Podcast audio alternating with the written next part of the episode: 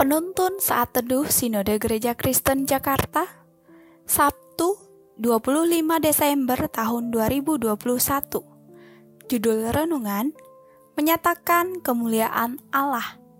Nats Alkitab terambil di dalam kitab Mazmur pasal 19 ayat 1 sampai 15 Kemuliaan Tuhan dalam pekerjaan tangannya dan dalam Tauratnya. Untuk pemimpin biduan Mazmur Daud. Langit menceritakan kemuliaan Allah dan cakrawala memberitakan pekerjaan tangannya. Hari meneruskan berita itu kepada hari dan malam menyampaikan pengetahuan itu kepada malam. Tidak ada berita dan tidak ada kata, suara mereka tidak terdengar, tetapi gema mereka terpancar ke seluruh dunia dan perkataan mereka sampai ke ujung bumi. Ia memasang kemah di langit untuk matahari yang keluar bagaikan pengantin laki-laki yang keluar dari kamarnya. Girang bagaikan pahlawan yang hendak melakukan perjalanannya. Dari ujung langit ia terbit dan ia beredar sampai ke ujung yang lain tidak ada yang terlindungi dari panas sinarnya. Taurat Tuhan itu sempurna, menyegarkan jiwa, peraturan Tuhan itu teguh, memberikan hikmat kepada orang yang tak berpengalaman. Titah Tuhan itu tepat, menyukakan hati, perintah Tuhan itu murni, membuat mereka bercahaya. Takut akan Tuhan itu suci, tetapi ada untuk selamanya. Hukum-hukum Tuhan itu benar, adil semuanya, lebih indah daripada emas, bahkan daripada banyak emas tua, dan lebih manis daripada madu, bahkan daripada madu tetesan dari sarang lebah. Lagi pula hambamu diperingatkan oleh semuanya itu, dan orang yang berpegang padanya mendapat upah yang besar. Siapakah yang dapat mengetahui kesesatan? Bebaskanlah aku dari apa yang tidak kusadari.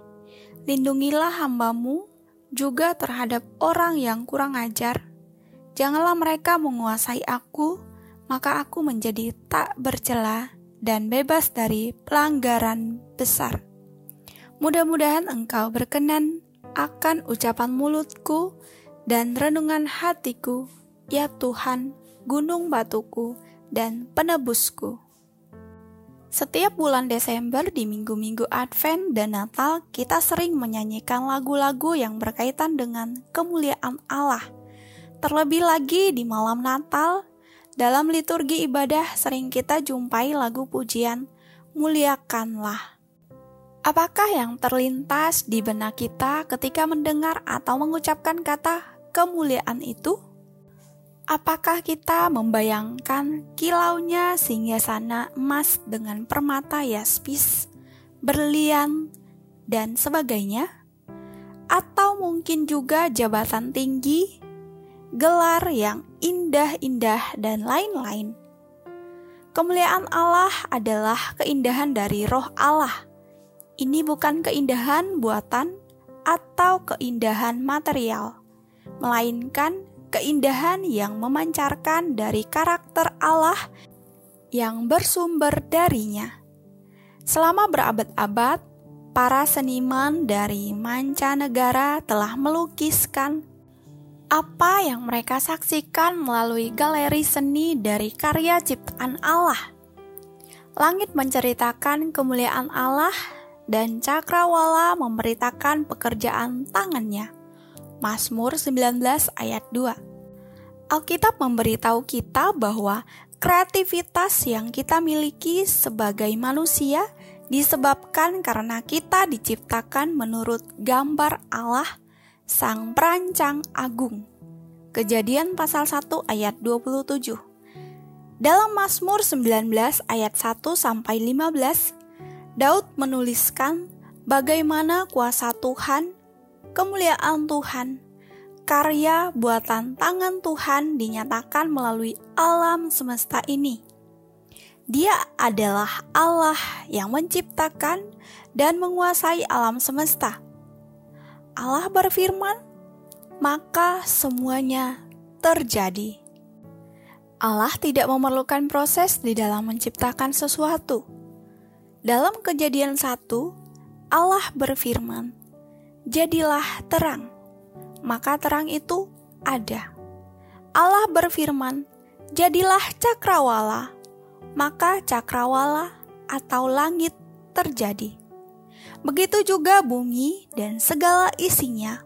Allah berfirman, maka semuanya ada. Firman Tuhan adalah firman yang berkuasa. Segala yang Allah firmankan terjadi sesuai dengan kehendaknya. Dalam kesadarannya, pemazmur menanggapi pernyataan Allah itu dalam iman bahwa Allah benar-benar ada dan telah menyatakan dirinya kepada manusia melalui alam dan firman-Nya. Pemasmur merendahkan dirinya di hadapan Allah yang dengan jelas menyatakan keberadaan dirinya yang penuh kuasa dan kemuliaan. Itu menyadarkan pemasmur bahwa dirinya tidak pantas untuk memegahkan diri. Jadi, hakikat Allah yang diperkenalkan kepada manusia adalah kasihnya kepada manusia. Yohanes pasal 3 ayat 16. Pusat pengungkapan kasih Allah terletak pada pengutusan anaknya ke dalam dunia. Di dalam Kristus, Allah telah mendamaikan isi dunia dengan dirinya. Roma pasal 5 ayat 7 dan Roma pasal 8 ayat 2 juga Korintus pasal 5 ayat 19. Penyataan Allah yang khusus dinyatakan melalui Tuhan Yesus Kristus yang membuka kembali jalan kepada hidup yang kekal.